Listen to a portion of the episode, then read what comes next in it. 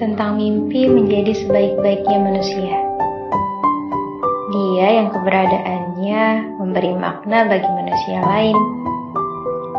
Mungkinkah aku salah satu dari sosok manusia itu?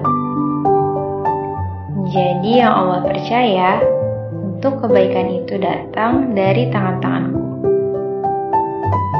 Dan aku yakin Allah tak akan pernah keliru menempatkan hal baik apa pun melalui siapa pun.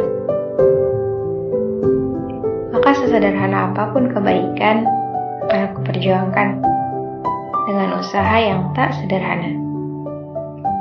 Sebab sekecil apa pun peran, pasti akan bernilai besar saat niat hati ini benar.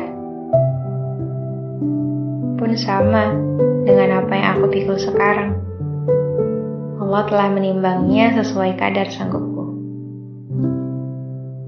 Bahkan saat rasanya seperti tak sanggup, Allah akan merangkulku lagi dan dikuatkannya lagi pundak ini.